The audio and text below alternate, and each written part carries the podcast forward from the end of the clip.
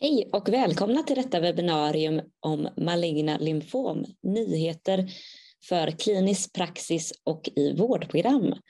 Eh, jag vill också passa på att eh, tacka våra annonsörer som idag är Abvi och Roche och eh, med det så lämnar jag över ordet till dig Renske. Ja, hej, välkomna ni alla till dagens webbinarium om lymfom. Och um, jag har med mig Mats Jerkeman och Daniel Molin och de berättade precis att de i botten är onkologer, inte hematologer. Så det är väldigt, väldigt trevligt att ha två onkologer som pratar om, uh, om olika, framförallt nya utvecklingar och uppdateringar som ni kommer att diskutera inom lymfombehandlingar. Och um, det blir en delad presentation i tre delar och mellan bytte mellan Daniel och Mats för att kunna ta frågor. Så ni har alla sett att det finns möjlighet att ställa frågor via chatten. Så jag varmt uppmanar er alla att ställa frågor via chatten för att eh, ha en interaktiv och lärorik webbinär eh, tillsammans. Um, så varmt välkommen Mats Jerkeman, professor på eh, Lids Skånes universitetssjukhus och Daniel Molin som är docent vid Uppsalas Akademiska sjukhuset. Um, och um, ni kommer att ha en gemensam presentation som jag redan sa. Jag, jag tycker att vi ska bara dra igång och uh, börja. Tack så jättemycket att ni är här idag. Tack så mycket. Ja, roligt att vara här. Ska vi köra igång med lite bilder då? Jag, vi kommer upp som sagt prata om eh, tre olika typer av lymfom. Jag kommer prata om aggressiva BCS-lymfom, Sen kommer Daniel prata om Hodgkin-lymfom och sen kommer jag prata en del om mantelcellslymfom. Eh, och det, från min sida så blir det kommande och aktuella uppdateringar vad gäller vårdprogrammet för de här olika lymfomtyperna. Eh, och när det gäller aggressiva b-cellslymfom så har vi precis en ny version som kom för någon vecka sedan. Och eh, det är inga, inga är, är några förändringar, det är inga väldigt stora förändringar faktiskt i det här vårdprogrammet. Eh, men några saker. Eh, ett, någonting som vi har infört under de senaste åren det är att för högriskpatienter ge mer intensiv behandling med högdosmetotrexat som är en lite krånglig behandling, kräver inneliggande vård och också kan ge en hel del biverkningar. Det nya i den här versionen av vårdprogrammet är att färre patienter kommer att få det. Jag kommer att visa varför. Eh, vi har också lite förändringar när det gäller vilka patienter som är aktuella för behandling och vi har en ny behandlingsregim för patienter med Burkitt-lymfom. Och det här med högdosmetotrexat, varför vi ska ge det till färre patienter, det grundar sig på en, en stor studie som presenterades vid eh, ASH för, förra året, faktiskt 2021. Eh, en väldigt stor internationell retrospektiv studie med över 2000 patienter där också Sverige och Danmark har bidragit med många patienter i den här studien. Eh, och det, de patienter som ingick här, det var patienter med eh, högrisk eh, CNS-IPI. Och det är samma som internationellt prognostiskt index, men man har också lagt till om man, patienten har engagemang i njure eller binjure så de var med. Om man hade fyra till sex sådana faktorer. Eller om man hade det som kallas för double hit lymfom eller om man hade engagemang i testiklar eller, eller bröst. Och sen så var det patienter som fick eh, R-CHOP-liknande behandling i kurativt syfte. Så då 2300 patienter skapar man ihop eh, och eh, 1875 av dem fick inte högdosmetexat och 392 de fick högdosmetexat. Och eh, 9% fick CNS-recidiv i de som, hos de som inte fick högdosmetexat och 7,9 hos de som fick högdosmetexat. Och det här har man sedan viktat när det gäller riskfaktorer och eh, för att se om det var någon egentlig skillnad när man justerar för olika riskfaktorer. Och det kunde man inte se. Här ser ni den kumulativa incidensen av CNS-recidiv i de här två olika grupperna. Svarta kurvan är de som inte fick högdosmetrexat och den gula kurvan var den som fick högdosmetrexat. Och det här är justerat för olika riskfaktorer. Antydan till skillnad men ingen signifikant skillnad mellan de här eh, grupperna. Och också om man tittar på de som patienterna som gick i komplett remission efter R-CHOP-liknande behandling så var det 1151 av dem hade inte fått högdosmetexat och 317 hade fått. Och när ni ser på andelen CNS-recidiv hos de här patienterna så var det ungefär samma andel, 5,8 respektive 5,4 procent. Och om man då tittar på undergrupper som till exempel den här double hit lymfomet till vänster med eh, translokation av MYC eller, BC, och, eller BCL2 eller BCL6 så var det inte heller någon skillnad där om man gav högdosmetexat, även om det är väldigt få i de här grupperna. Om man tittar på den största gruppen, de med diffus storcelligt BCS-lymfom, var det inte någon skillnad. Om vi tittar på särskilt extrema högriskgrupper som till exempel de med njurengagemang till vänster så såg man inte någon fördel för de som fick högdosmetexat. Eh, inte någon signifikant skillnad heller när det gäller dem med eh, binjurengagemang eller bröst. Väldigt få patienter där som ni ser. Och sist testikelengagemang. Testikelengagemang ser ni att det, det är kanske den högsta andelen som får, det är väldigt få patienter men ganska stor andel av dem fick faktiskt CNS-recidiv. Men man kan inte se någon signifikant skillnad här heller. Så att det här är en största studie man kan tänka sig egentligen. Det kommer inte att bli någon större studie när man kommer att kunna utvärdera effekten av högdosmetexat. Eh, och man kunde inte se någon skillnad när det gäller CNS-recidiv totalt eh, hos de patienter som hade gått i komplett remission eller i någon undergrupp faktiskt. Så att i det nationella vårdprogrammet nu så, så har vi tagit bort det här begreppet CNS-profylax. Vi kan inte säga att det finns någon behandling som skyddar mot CNS-recidiv när det gäller aggressiva B-cellslymfom. Däremot så föreslår vi för vissa grupper ändå en mer intensiv behandling som inkluderar högdosmetexat och högdos cytarabin eh, där man antingen kan ge då högdosmetexat som är det första översta exemplet här Eh, efter sex cykler R2114 kan man ge en cykel högdosmetexat och en cykel högdoscytarabin.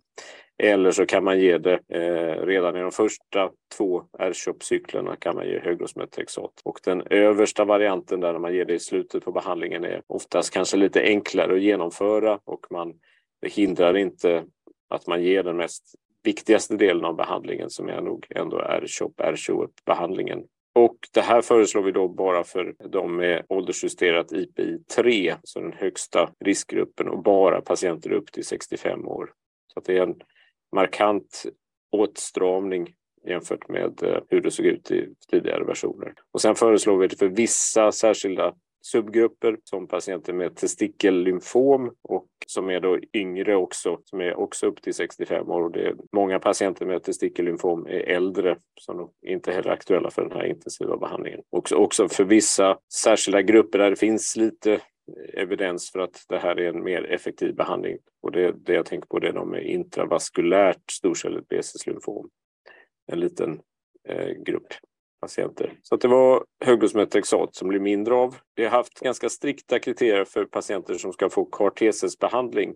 och de patienter som är aktuella för det, det är patienter som får, har fått två tidigare eh, behandlingslinjer. Det är fortfarande det som gäller. Eh, det som är lite mer generöst är att vi inte har lika strikta kriterier när det gäller hjärtfunktion. Eh, man får ha ejektionsfraktion från ner mot 40 procent. Och det andra som är skillnad egentligen som är värt att nämna det är när det gäller njurfunktion så är vi också lite, lite mer liberala.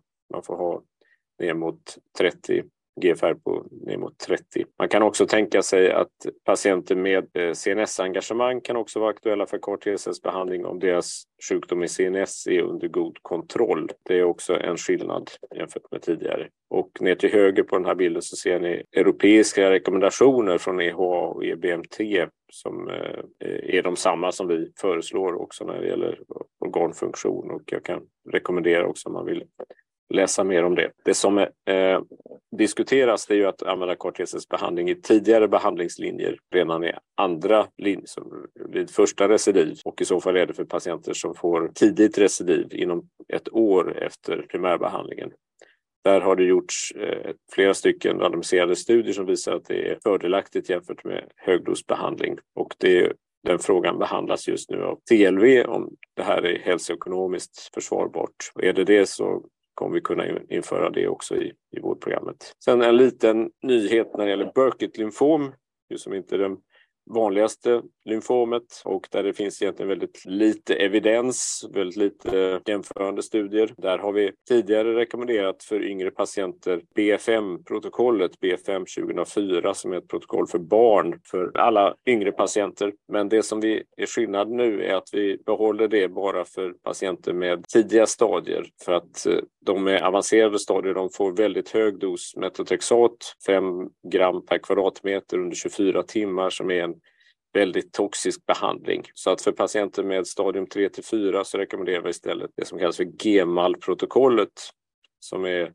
liknar ganska mycket BFM-protokollet men har just lägre eh, metotrexatdoser. Så det är en skillnad. Det här finns med i nationella regimbiblioteket om man vill titta närmare på det här. Hypersevad är också ett alternativ istället för BFM eller GEMAL-protokollet. Och för äldre patienter rekommenderar vi dosjusterad EPOC. Tack Mats. Daniel, har du äh, frågor eller synpunkter äh, på, på ja. det som Mats äh, diskuterade nu? Ja, jag tänkte på en sak. När man jobbar med lymfom så är det ju, det känns ju eh, tacksamt att behöva ge högdosmetotrexat lite mer sällan. Det är ju ganska krävande, inte minst att ge tidig metotrexat mellan R-CHOP-kurerna. Så att, eh, det tackar vi för i och för sig. Men jag tänkte ändå fråga, en, en av slutsatserna från studien var ju att det inte var någon eh, riskreduktion i någon högrisk subgrupp, men de var ju väldigt, väldigt små. Så att, kan man utesluta att det, är någon, eh, att det har effekt i någon eh, högriskgrupp ändå? Nej, eh, som sagt, vi föreslår för hög eh, testikelymfom har vi kvar det. Men eh, inte för de här med njurengagemang eller binjurengagemang. Eh, testikelymfom finns det en hel del större material där man ser eh, ökad CNS-risk och eh, vi har valt att dra gränsen där. Men det, det visst, det, det, kan vara möjligen vara, det finns inget, det, det är väl enligt eh, den hippokratiska principen att inte skada åtminstone. Låter sunt, ja. Vi kanske går vidare med, med Hodgkin då. Jag ska tala lite om nyheter när det gäller Hodgkins lymfom då. Ganska mycket om primärbehandling faktiskt och då kan man fråga sig om det finns någonting mer att göra med en, en sjukdom som har så bra prognos redan i primärbehandlingen. Men det finns en hel del förbättringspotential vill jag påstå och eh, jag tänkte förklara lite grann varför och vad vi försöker göra för att förbättra situationen. När det gäller Hodgkins finns det ett vårdprogram som gäller och det är från februari 2022. Men vi brukar göra ett nytt vårdprogram uppdaterat varje år så att det planeras ett nytt nu redan i år. Och eh, det kommer sannolikt att bli förändringar i primärbehandling för avancerade stadier framför allt och kanske i första recidiv också.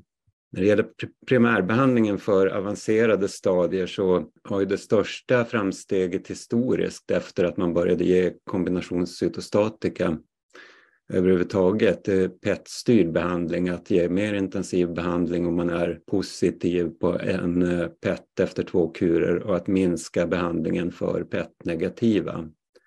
Vi har varit med i en stor internationell studie som heter RATHL där man startar med ABVD och styr behandlingen med PET. Vi behandlade ett tag efter den studien generellt men sen kom den tyska HD18-studien med PET-styrd eskalerad BACOP med faktiskt överlägset PFS. Så att det är så vi oftast behandlar unga patienter nu. Men eskalerad BACOP är en behandling med mycket toxicitet och vi vill gärna komma ifrån den här väldigt toxiska behandlingen. Ett enkelt sätt då är att byta ut bara prokarbasin mot dakarbasin och ge B-koptack. Eh, men man kan också göra om kuren mer grundläggande som i HD21-studien som vi har deltagit i, där man med hjälp av eh, antikroppscytostatikakonjugatet brentuximab vedotin eller Adcetris modifierar hela kuren. Jag ska visa hur. Ett problem när det gäller primärbehandlingen det är de äldre patienterna som har en avsevärt sämre prognos så att det är inte riktigt samma, samma lättbehandlade sjukdom hos de äldre utan de har avsevärt sämre prognos.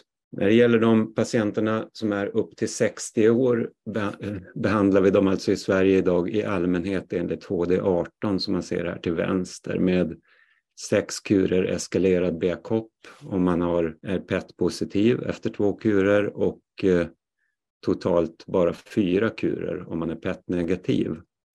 Ett alternativ för en del patienter som kanske är mer sköra eller har lite mer begränsad sjukdom men ändå avancerad är att behandla enligt RATHL då man ger två ABVD, gör en PET och eskalerar behandlingen till BKOP för de som är PET-positiva och eh, minskar behandlingen till AVD gånger 4 för de som är PET-negativa. Och just den här RATHL-studien presenterade vi en eh, uppdatering av på Ash i december eh, med uppdaterade eh, långtidsuppföljningsdata. Och jag ska inte gå igenom dem i detalj, men slutsatsen var att alla konklusioner från eh, eh den ursprungliga publikationen håller och eh, viktigt är då att eh, slutsatsen att det är säkert att utesluta bleomycin efter två kurer håller även med lång uppföljning. Så att Ger man ABVD så är det säkert att utesluta bleomycin och ge AVD efter kur 2. Det här är då PET-negativa patienter på de här kurvorna. Däremot så är fortfarande PFS eh, sämre än för HD18-studien. Så vi använder fortfarande mest HD18 för yngre patienter med eskalerad BKOP och det är effektivt men toxiskt. Och ett ett möjligt sätt att minska den här toxiciteten det är bara att byta ut preparatet Procarbazin mot Dacarbazin, inte minst för att förbättra vad gäller fertilitet och risk för sekundära leukemier och även hematologisk toxicitet. Och det har man gjort i stor utsträckning i Storbritannien. Och Anna Santarsieri från Oxford presenterade data på eskalerad B-Coptac på ASH i december. Och dels så såg man att det var mindre toxicitet vad gäller påverkan på gonader, sekundära leukemier och transfusioner. Och sen så såg man också en progressionsfri överlevnad som ni ser här till vänster som inte alls skiljer sig från HD18 och som är signifikant bättre än RATHL-behandlade patienter och en totalöverlevnad som är mycket, mycket god och eh, minst lika bra som HD18 eller RATHL. Rent numerärt ännu bättre. När det gäller eh, att ta ett mer drastiskt grepp för att förbättra BACOP-regimen då, så var vi med i och presenterade toxicitetsdata från studien HD21 på ASH i december. Och det är toxicitetsdata alltså som är klara i den här studien. Brekad, som är regimen vi använde, vi bytte rakt av ut eskalerad BACOP mot Brekad. Det är en regim där vi har lagt till Brentuximab vedotin och på så sätt försöker vi undvika lungtoxicitet genom att utesluta bleomycin, minska hematologisk toxicitet genom att reducera etoposiddosen, potentiellt minska neuropatin genom att ta bort vinkristin, men de får ju brentoximabedotin, då. Minska eh, infertilitet och sekundära leukemier genom att eh, byta ut procarbazin mot dacarbazin och även minska kortisondosen drastiskt och byta ut prednison mot dexametason och eh, därigenom minska kortisonbiverkningar. Vilket är väldigt viktigt med tanke på vilka stora kortisondoser som ingår i eskalerad BACOP. Det är verkligen signifikant för patienterna. Och vi såg då en eh, signifikant minskning av transfusionsbehovet, så den hematologiska toxiciteten. Där såg vi en klar förbättring intressant nog också eh, mindre eh, neurotoxicitet trots att de får brentuximab vedotin. Så att när man ger det i primärbehandling så är brentuximab vedotin en snällare drog än vinkristin vad gäller neurotoxicitet när man ger det i primärbehandlingen alltså. Och ingen behandlingsrelaterad mortalitet. När det gäller fertiliteten så har det gått för kort tid för att eh, räkna födda barn eller så. Men hormonprover ingick då i studien och det ser klart bättre ut när det gäller FSH-värden både för kvinnor och för män. Så att sannolikt eh, så kommer fertiliteten att vara avsevärt bättre efter Brekad än efter eskalerad BKOP. Överlevnadsdata, där har studien inte nått sin endpoint än så att de två armarna är inte analyserade separat men så här långt ser det ut så här på PFS till vänster och overall survival till höger, alltså väldigt, väldigt lovande och faktiskt så är det numerärt bättre än för hela gruppen i HD18. Så att med stor säkerhet så kommer det här att bli en, en positiv studie, alltså sett som non-inferiority, att vi får mindre toxicitet och minst lika bra överlevnad. Så det, det är väldigt lovande det här. Men som sagt, den är inte analyserad för överlevnad vad gäller de separata armarna så att man kan inte säga att den är, är klar ännu. När det gäller de äldre patienterna som då har en avsevärt sämre prognos än de yngre så pågår det ju studier med nya preparat men det är viktigt vad man ger för cytostatika i grunden och vi har själva tillsammans med Danmark och Norge analyserat resultat av olika cytostatikakurer. Det finns ju ingen golden standard när det gäller äldre på samma sätt som för yngre i världen än. Och här kunde vi se att Eh, eh, längst ner då så ser man kurvorna för annan cytostatika. Sen ovanför den CHOP som, ges, som vi tidigare har gett som standard till äldre och som man ger som standard i exempelvis Norge fortfarande. Och sen ovanför den ABVD och så AVD. Och där ser man att ABVD ligger klart bättre än CHOP och OTHER och att AVD minst lika bra som ABVD och det här håller även i en multivariabel analys som jag inte ska gå in i detalj på förstås. Men det är signifikant bättre resultat för ABVD än för CHOP eller OTHER och AVD är inte skilt från AVD. ABVD. Det gäller inte riktigt för, för låga stadier för där de får också strålbehandling och det eh, kompenserar åtminstone delvis för lägre effektivitet av CHOP. Så slutsatsen är att AVD var minst lika bra som ABVD och bättre än CHOP eller OTHER. Man får mindre toxicitet genom att ta bort bleomycinet och bleomycintoxicitet är väldigt viktigt när det gäller de äldre patienterna. Det kan vara en dödlig behandling i den gruppen. Så AVD är det som är att föredra när det gäller äldre patienter. När det gäller de tidiga stadierna då så ser behandlingen ut så här i Sverige. Det bygger på de tyska studierna HD10 och HD11 för eh, de patienter som är 18 till 60 år då och utan riskfaktorer som har inte har mer än två lymfkörtelstationer, inte sänka över 50 och inte bulkig sjukdom. Då får de en ganska minimalistisk behandling med två månader ABVD och en lägre stråldos. För de med riskfaktorer så får de fyra månader ABVD och en lite högre stråldos. Och sen för de äldre så tar vi bort bleomycinet i olika utsträckning beroende på ålder då och ger just behandlingen AVD. Eh, men det man kan se här är att vi fortfarande har strålbehandling som en standard i Sverige och det är eh, lite kontroversiellt internationellt och mycket kontroversiellt i USA där man i stor utsträckning eh, skippar strålbehandlingen för de här patienterna. Jag ska försöka förklara varför vi inte har eh, strukit strålbehandlingen än. Dels är det så att i internationella studier så har man inte sett eh, så, så man alltid sett fler recidiv när man har tagit bort strålbehandlingen. Även om det har varit för PET-negativa patienter så har det alltid varit fler recidiv i den gruppen. Utom i en studie, en tysk studie där man gav mer intensiv cytostatika primärt. Då, 2 ABVD och 2 BKOP. Men då får man mer cytostatika toxicitet istället. Annars har det alltid varit eh, priset av fler recidiv.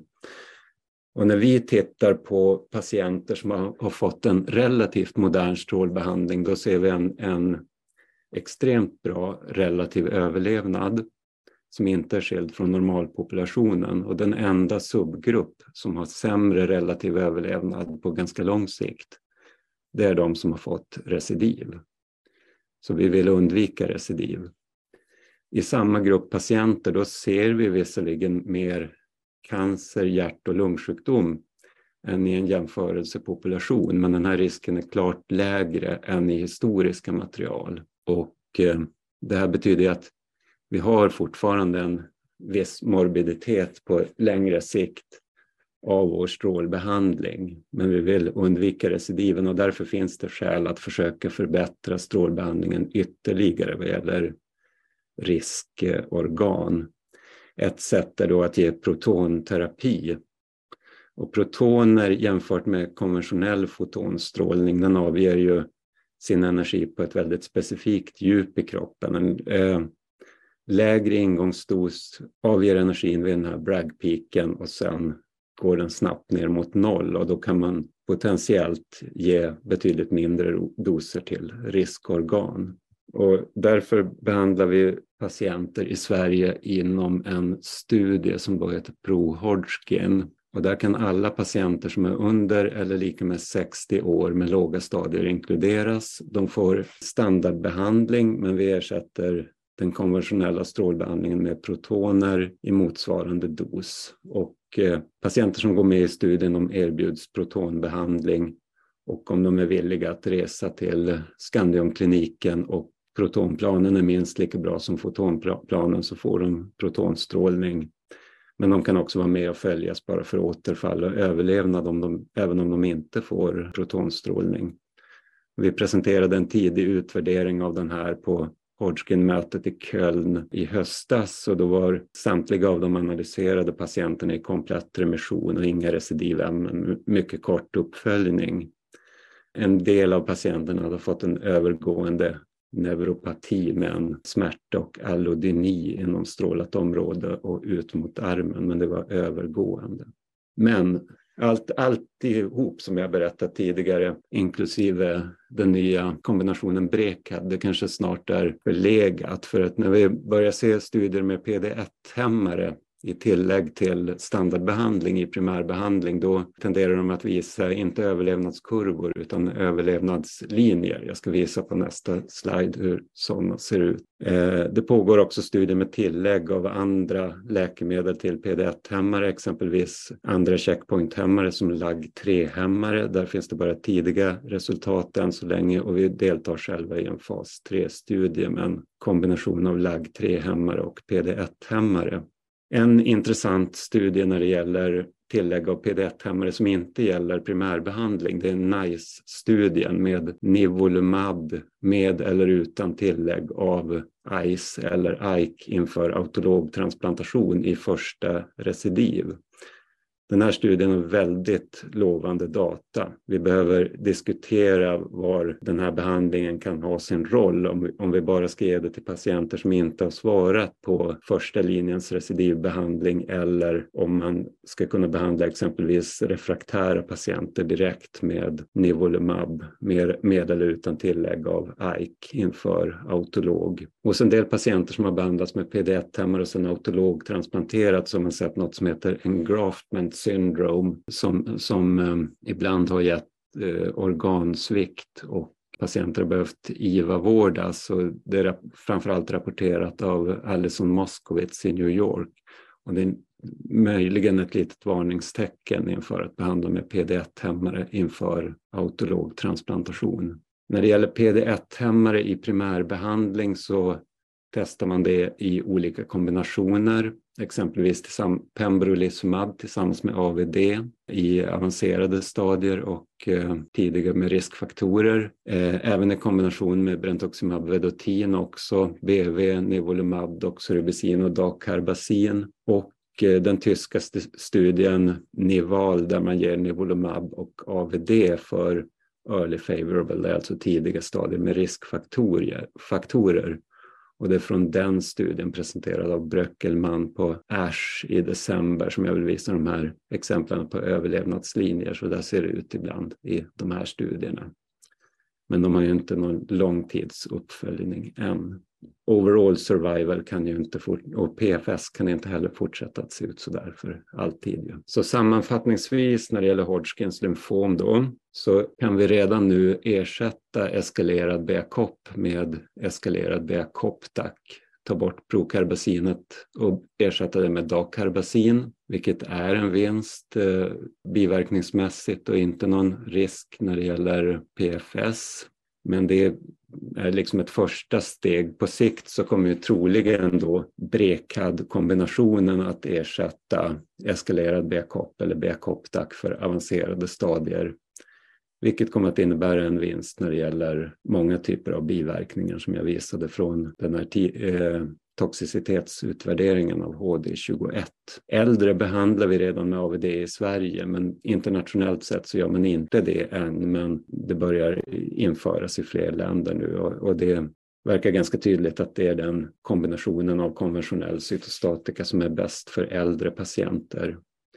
Och vi tycker fortfarande inte att man bör överge strålning för låga stadier men att eh, fortsätta att försöka förbättra den till exempel med protonstrålning. Eh, och sen så kommer då PD1-hämmare i första recidiv, den här NICE-behandlingen kommer vi säkert att införa i det kommande vårdprogrammet men det är inte riktigt klart exakt vilka situationer den blir aktuell i.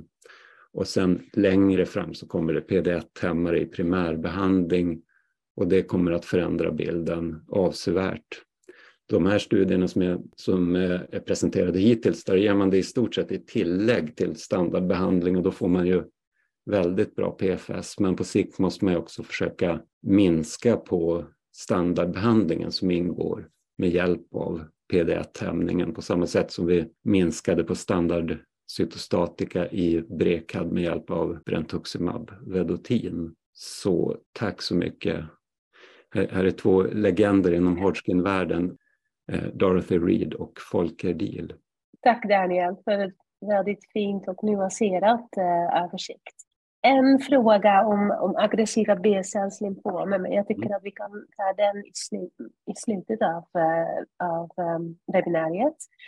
Um, men inga frågor om Hodgkin. Har du någon fråga, Mats? Jag tänkte på det här med eskalerad B-COP-DAC Eh, den verkar ju också vara mindre toxisk då än, än eskalerad BKOP.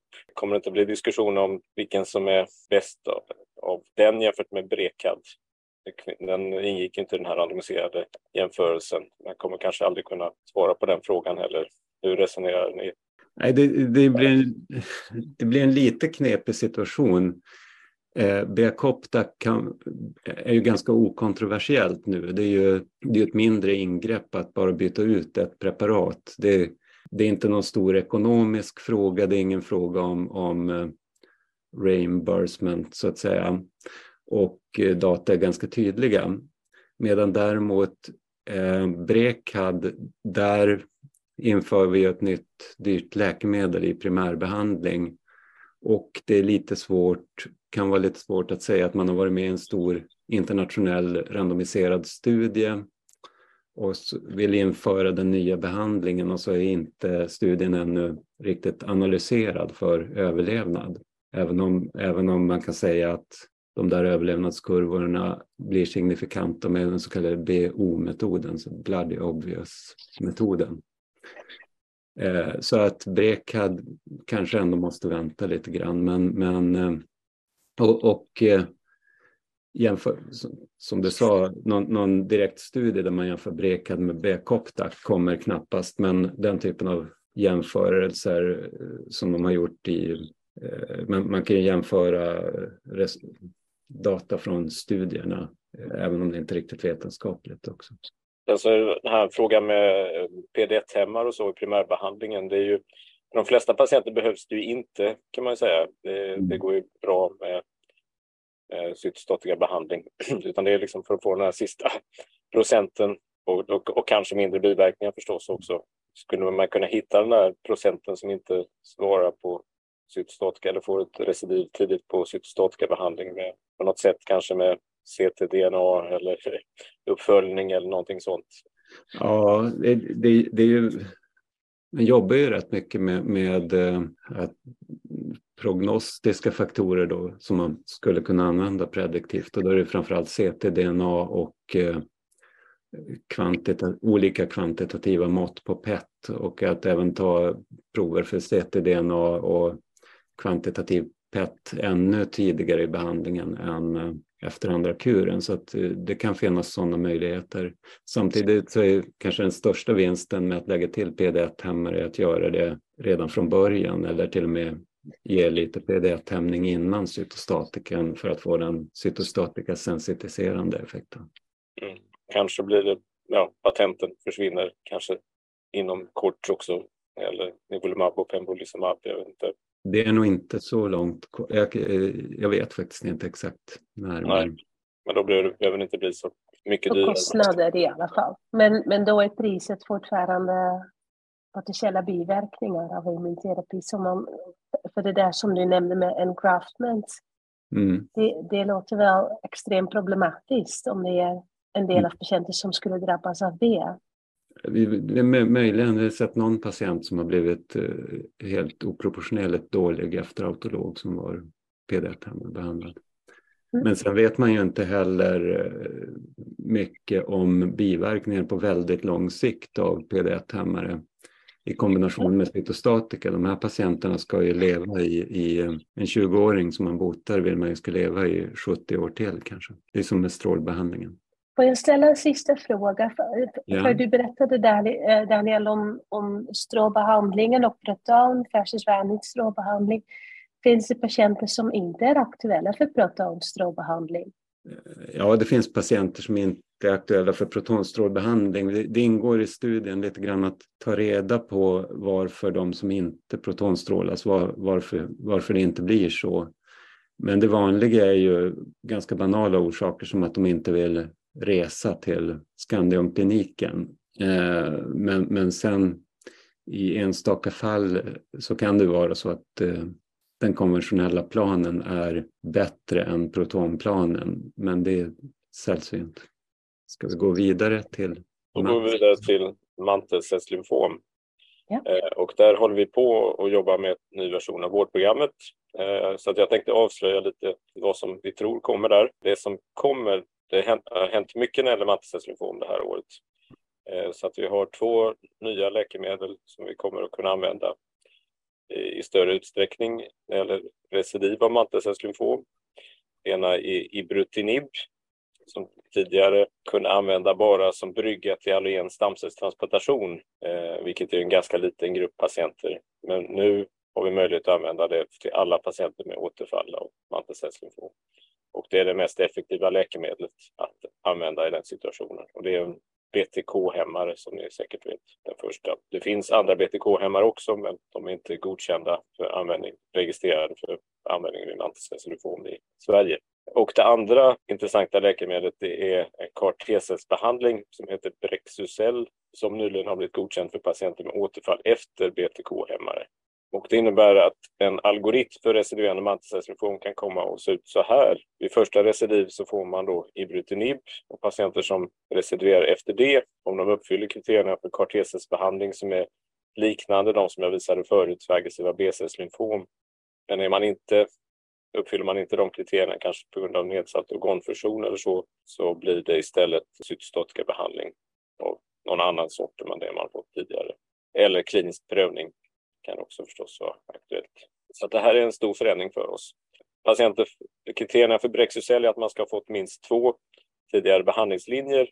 Man ska ha fått BTK-hämmare och det är som sagt det är Ibrutinib som är registrerat i Sverige men det finns också patienter som kan ha fått andra BTK-hämmare inom ramen för studier. Och när det gäller organfunktion så är kriterierna då samma som för aggressiva B-cellslymfom. Så det här har precis blivit godkänt i Sverige och vi första patienterna kommer säkert att behandlas här den närmsta månaden. Och det Brexucell är ett preparat som är nästan identiskt, eller själva eh, CAR-proteinet är precis detsamma som i Axicell som vi använder vid aggressiva B-cellslymfom. Skillnaden är bara pro produktionsprocessen, att man selekterar fram lymfomcellerna från blodet. Eller selekterar bort, selekterar fram T-cellerna från blodet på ett annat sätt än vid med Axicell. Så det är det som gäller nu. Det som vi tror också det är att BTK-hämmar kommer att användas också i primärbehandlingen och det grundar sig på den här spännande studien Triangle som presenterades på ASH nu för någon månad sedan som abstract nummer ett på plenarsessionen och eh, vi är väldigt stolta över att Sverige och Norden har bidragit med en väldigt stor del av patienterna i den här studien så att vi kan ta åt oss en hel del av äran för de här resultaten. Och det är en, en, eh, den största studie som har gjorts för mantelcellslymfom 870 eh, patienter uppdelat på tre behandlingsarmar. Den här översta arm A, det är standardbehandling med omväxlande R-CHOP och R-DAP och sen högdosbehandling. I den mittarmen där så har man lagt till Ibrutinib tillsammans med R-CHOP i induktionsdelen men också två års underhållsbehandling efter högdosbehandling.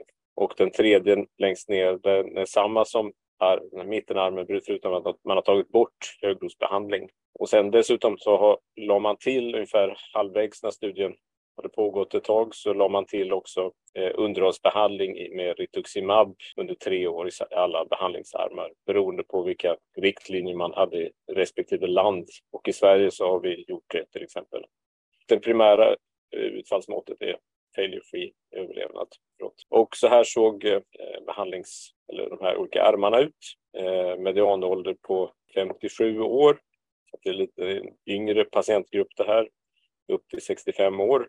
Och redan faktiskt det här tillägget av Ibrutinib under tre cykler, nio veckors behandling under den här induktionsdelen gjorde att eh, andelen kompletta remissioner ökade från 36 procent till 45 procent och totalandelen responser ökade från 94 till 98 procent. Om man då tittar på den här eh, primära endpointen, failure free survival, så ser ni att arm A, alltså den armen utan ibrutinib, är klart sämre. Så att man kunde visa att både arm A plus I och arm I var klart bättre än armen utan ibrutinib. Däremot så ser ni att man kan än så länge inte se någon skillnad mellan arm I utan högdosbehandling och arm A plus I. När det gäller total överlevnad så är det för tidigt ännu för att kunna utvärdera om det är någon signifikant skillnad mellan de här behandlingsarmarna. Men om man tittar på dem enligt den här BO-metoden som Daniel nämnde så så ser man att eh, den blåa kurvan verkar ju sämre också här. Medan vi inte kan se någon skillnad mellan de här gröna och gråa kurvorna.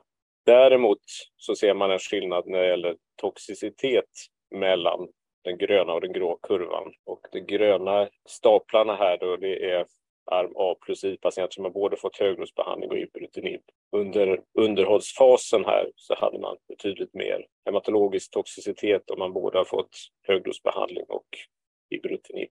Så att eh, man kan säga att tillägg av ibrutinib förbättrar behandlingsutfallet för yngre patienter med mantelcellslymfom. Däremot så kan vi ännu inte säga om högdosbehandling säkert behövs eller inte för patienter som får ibrutinib i primärbehandlingen. Men vi kan säga att kombinationen av högdosbehandling och ibrutinib ökar biverkningarna åtminstone. Så att ja, vad får det här för konsekvenser? Det kommer att bli en publikation här nu under kanske i april skulle jag gissa, full publikation.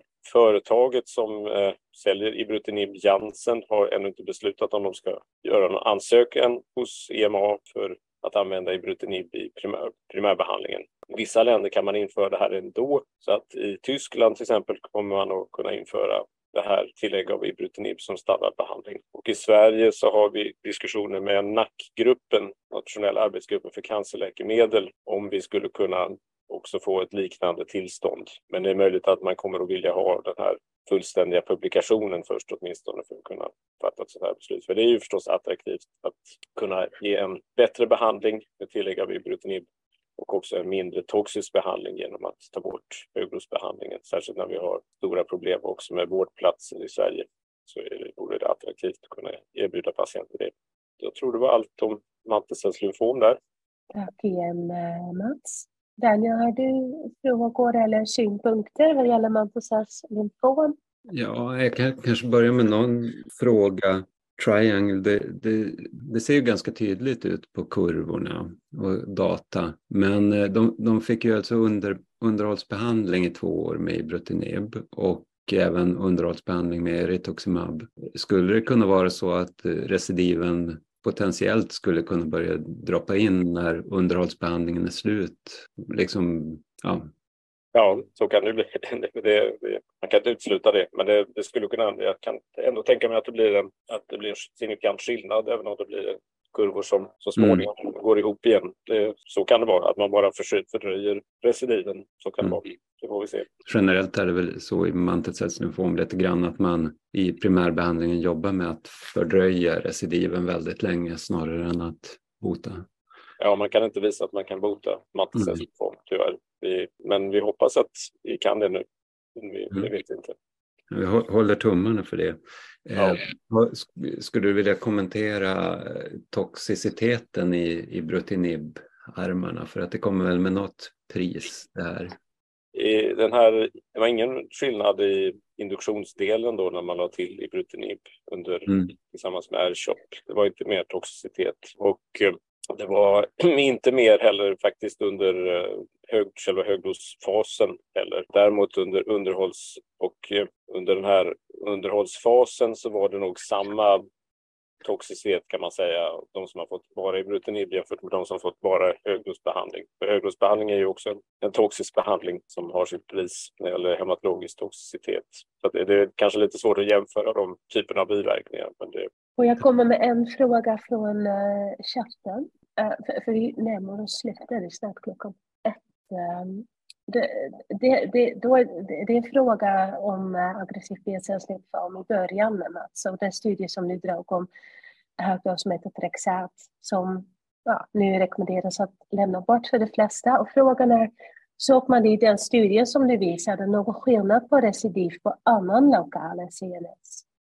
Ja, det är en jättebra fråga. För det är inte färdiganalyserat än kan man säga. Om det är någon skillnad i, om det skulle vara någon fördel när det gäller progressionsfri överlevnad till exempel, eller total överlevnad att ge högdosmetexat. Och det är därför som vi har kvar det också för de här högriskgruppen också för en, en mindre andel av patienterna. Att vi inte kan utesluta att det ändå skulle kunna förbättra totala utfallet. Att det, och det finns inte någon uh, slutgiltig publikation heller när de här sakerna är undersökta. Men det är, det är en jätteintressant fråga.